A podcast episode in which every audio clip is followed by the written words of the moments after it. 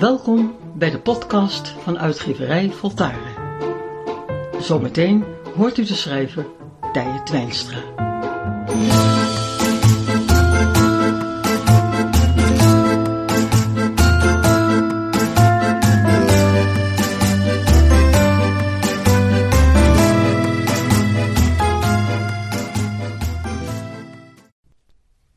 De enige manier om de wereld te veranderen is om van een winstgerichte maatschappij naar een mensgerichte wereld te gaan.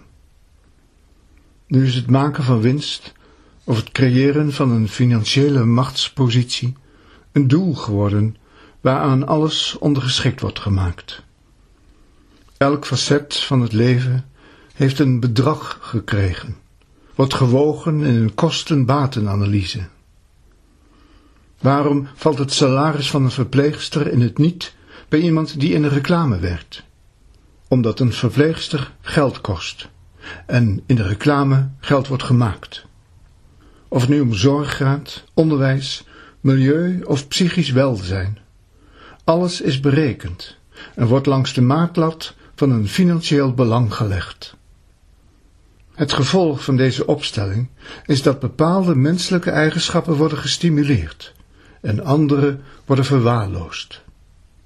Hebzucht, machtswellust, egoïsme, ze worden onder de noemer van ondernemerschap en gezonde concurrentie geplaatst. Maar in werkelijkheid worden met deze winstaanbidding de meest negatieve en duistere eigenschappen in de mens aangewakkerd. Misleiding in de vorm van het bedenken van allerlei constructies om zo weinig mogelijk aan de maatschappij af te dragen. Zelfs het Koningshuis als nationale voorbeeldfamilie doet eraan mee. Uitbuiting, machtsmisbruik, ongelijkheid, verloedering, onverschilligheid. Het is te veel om op te noemen wat deze benadering veroorzaakt aan leed, onrechtvaardigheid en ongelijkheid. Aan deze oude weg van persoonlijke verrijking, ten koste van wat of wie dan ook, wordt nog steeds krampachtig vastgehouden. Maar voor wie de onderliggende en veranderende sfeer in de wereld aanvoelt, beseft dat een nieuwe wereldbenadering onvermijdelijk zal zijn. De aandacht zal verschoven worden, van grootschalig naar kleinschalig, van mondiaal naar lokaal, van uitbuiting van mens, dier en aarde, naar aandacht voor mens, dier en aarde. De taal van het geld zal niet meer alles bepalend zijn, maar ten dienste staan aan de ontwikkeling van het authentieke, navolgbare en ethische aspect van het menselijke bestaan. De aandacht zal op de eerste plaats gericht zijn op de mens als bron van wat hij ten goede of ten kwade aanricht. Deze benadering houdt in dat kinderen van jongs af aan leren om over zichzelf na te denken. Leren om zich uit te drukken in gevoel, het leren kennen en ontwikkelen van hun motieven en talenten. Werk zal niet meer gericht zijn op het bereiken en behouden van een bepaald welvaartspeil, maar op de bijdrage die men kan leveren aan de mens in het bijzonder en aan de wereld in het algemeen. Ook zal er meer aandacht worden besteed aan de mens als veroorzaker en verantwoordelijke, waardoor meer inzicht en duidelijkheid kan ontstaan over zijn of haar aandeel aan het geheel. Met een basissalaris voor alle volwassenen zal er tijd worden vrijgemaakt om vanuit het oude overleven naar het nieuwe inhoudelijke bestaan over te gaan.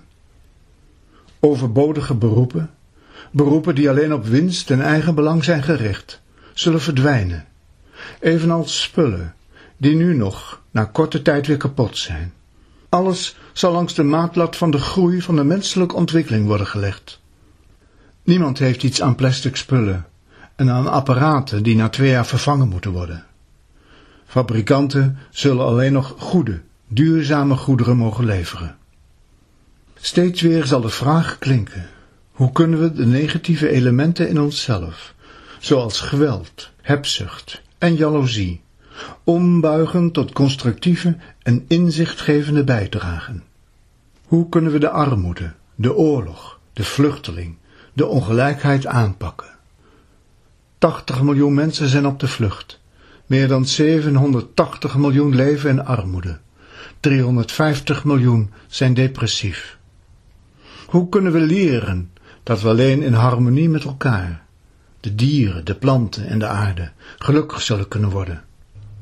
Als we maar beginnen met de gedachte dat wij, mens, jij en ik, de enigen zijn die betrokken zijn bij deze wereld, en dat daarom ook wij alleen door onze verlangens en diepere motieven te kennen, in staat zullen zijn de winstwereld achter ons te laten en de menswereld, zo jong en onbekend als die nu nog is, op te bouwen.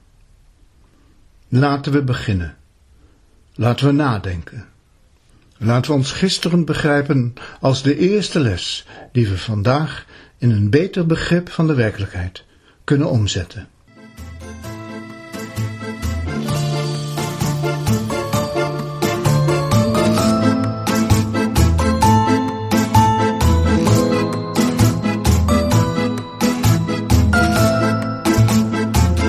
Het ga je goed en al maar beter.